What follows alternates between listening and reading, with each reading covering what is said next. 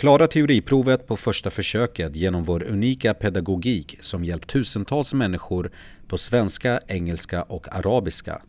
Bli medlem på körkortssidan.se eller ladda ner körkortsappen på App Store eller Google Play. Hej och välkomna ska ni vara till 10 stycken körkortsfrågor härifrån körkortssidan.se där vi hjälper dig att ta körkortet snabbare, enklare och billigare.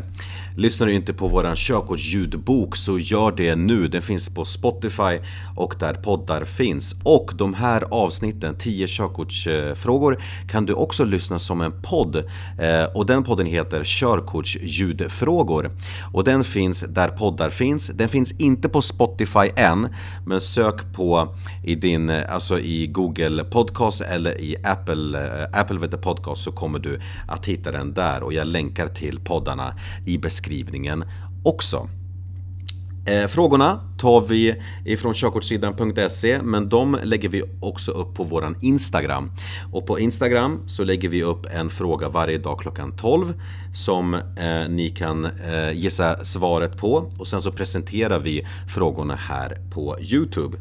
Följer du inte oss på Instagram så gör det nu. Förutom frågorna som vi lägger upp varje dag så har vi en story eh, som ni kan se här som vi där jag ställer frågor varje dag som ni kan svara på från verkliga situationer. Så det är ett väldigt bra sätt att lära sig teorin på också. Men hörni, ni, vi går in på den första frågan och vi börjar där vi slutade eh, på, det, eh, på det senaste avsnittet. Och eh, i avsnitt 20 så gjorde vi den här frågan sist, så vi börjar härifrån. Och på den här frågan så undrar vi varför kan det vara särskilt farligt att backa om det finns barn i närheten? Och alternativen är A. Barn förstår inte riskerna i trafiken som vuxna och kan gömma sig bakom bilen. Eller B. Barn är små och är svåra att se. Eller om jag ger barn för mycket uppmärksamhet kan jag glömma bort allt annat i min omgivning. Och här ska vi se vad ni har svarat. De flesta utav er eh, har svarat A, någon har svarat B här. Eh, ska se, ladda lite fler kommentarer. De flesta av er har, absolut, har, har svarat A och det är rätt. Barn förstår inte riskerna i trafiken som vuxna och kan gömma sig bakom bilen. Och det här gäller ju generellt för barn i trafiken. De har inte samma riskmedvetenhet. Eh, de har inte samma koll på sin omgivning och det är sämre på att bedöma avstånd. Så eh, svaret på den första frågan är A. Barn förstår inte risken i trafiken som vuxna. Vi går vidare. Du har halvljuset tänt och kör bil i mörker. På vilket avstånd upptäcker du en, fo en fotgängare med reflexer på sig? Eh, 60 meter, 125, 125 eh, meter eller 150 meter. Och här ska vi se vad, de, vad ni har svarat. B 125 meter, 150 meter. B Några har svarat C. Det är lite blandade vet du, svar vet du, faktiskt, men rätt svar är B att eh, en fotgängare med reflexer i mörker upptäcks på 125 meter. Och på körkortssidan.se så har vi en bild här som, som illustrerar på vilket avstånd en människa syns på beroende på eh, om de har mörka kläder, ljusa kläder eller om de har reflex eller inte. Eh, och om bilen har halvljus eller helljus. Så att gå in eh, på körkortssidan.se och eh, kolla in boken och där i kapitlet Lysen så kan ni läsa eller se den här bilden med de olika kombinationerna. Vi går vidare till nästa fråga och nu eh, är det miljöfråga och eh, frågan lyder Vilket ämne i avgaserna är den störst, störst bidragande faktorn till växthuseffekten? Och alternativen är koloxid, svaveloxid, kolväten eller koldioxid. Och här har, om vi kikar, de allihopa utav er svarat, ja ah, men någon av er har svarat A, men det är eh, D, koldioxid. Och eh, det är ju det ämnet som absolut bidrar mest till växthuseffekten. Uh, vi går vidare. Din bil har en katalysator. Vad stämmer? A. Undvik att stanna eh, eller parkera vid torrt och högt gräs. B. Katalysatorn renar avgaserna från alla farliga ämnen. Eller C. Katalysatorn är mest effektiv när du precis startat, eh, startat bilen. Och om vi kollar på vad ni har svarat. A, B, A, B. Det är lite 50-50 mellan A och B säger jag här. Och då ska vi se. Och rätt svar här är faktiskt A. Katalysatorn blir väldigt varm för det är då den eh, fungerar som, som effektivast. Faktum är att eh, den inte fungerar nästan alls i början utav en bilfärd och, och det är därför man brukar eh, ge råd om att undvika att åka korta bilresor för då rensar inte den eh, avgaserna från miljöfarliga ämnen. Men katalysatorn rensar inte avgaserna från alla farliga, eh, farliga ämnen. Till exempel så rensar den inte eh, avgaserna ifrån koldioxid utan tvärtom bildar koldioxid.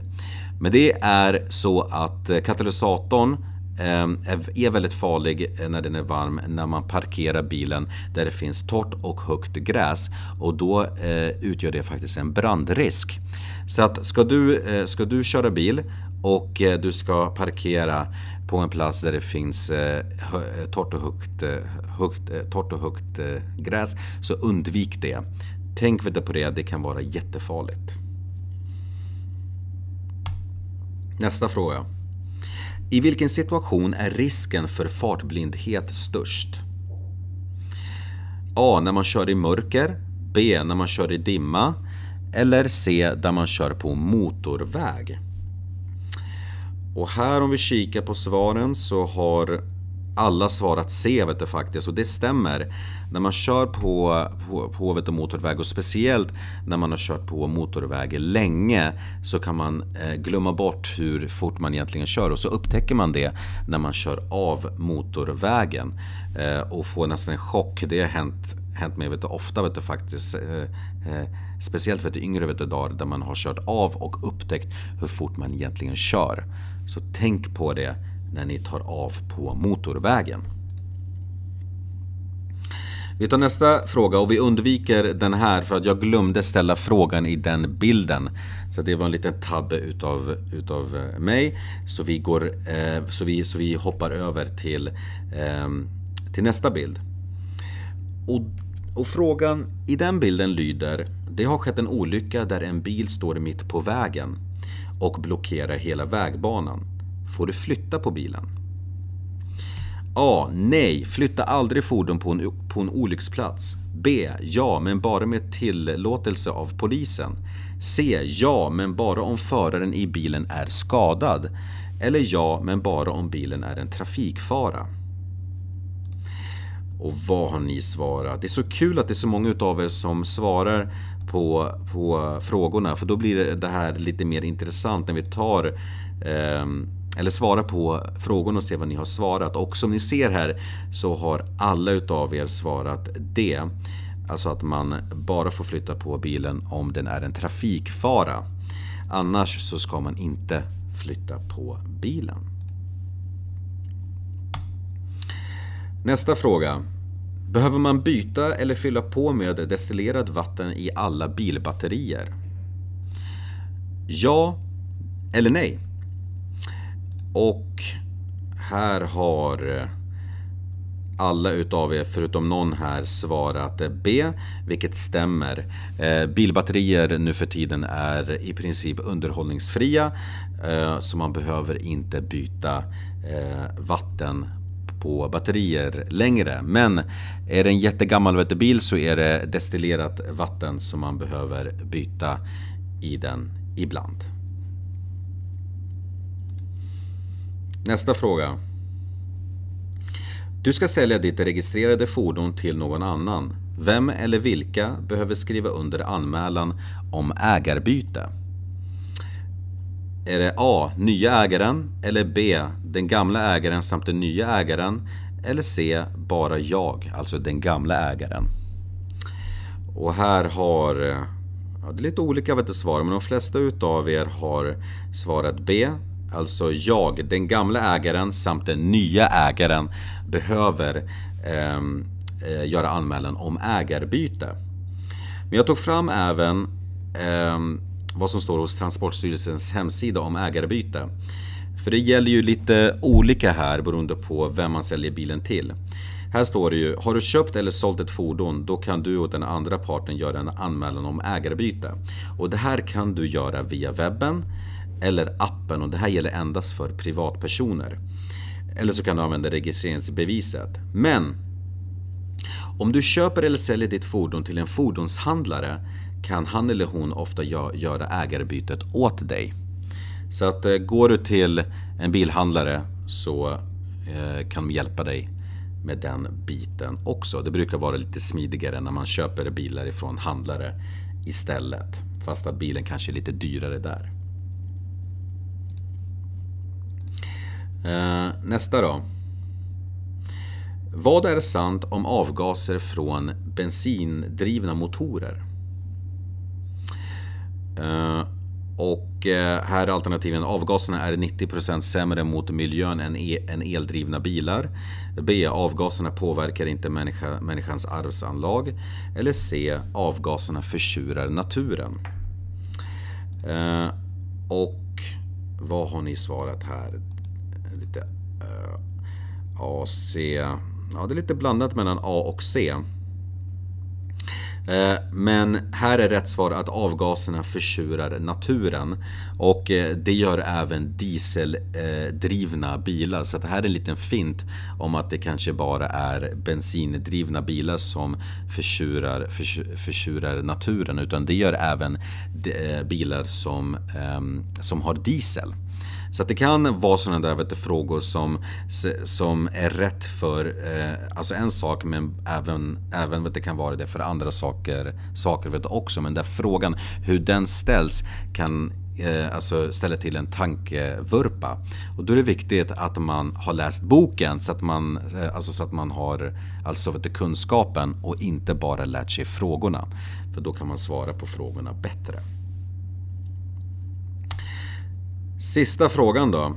Eh, och den lyder, är ozon skadligt för miljön?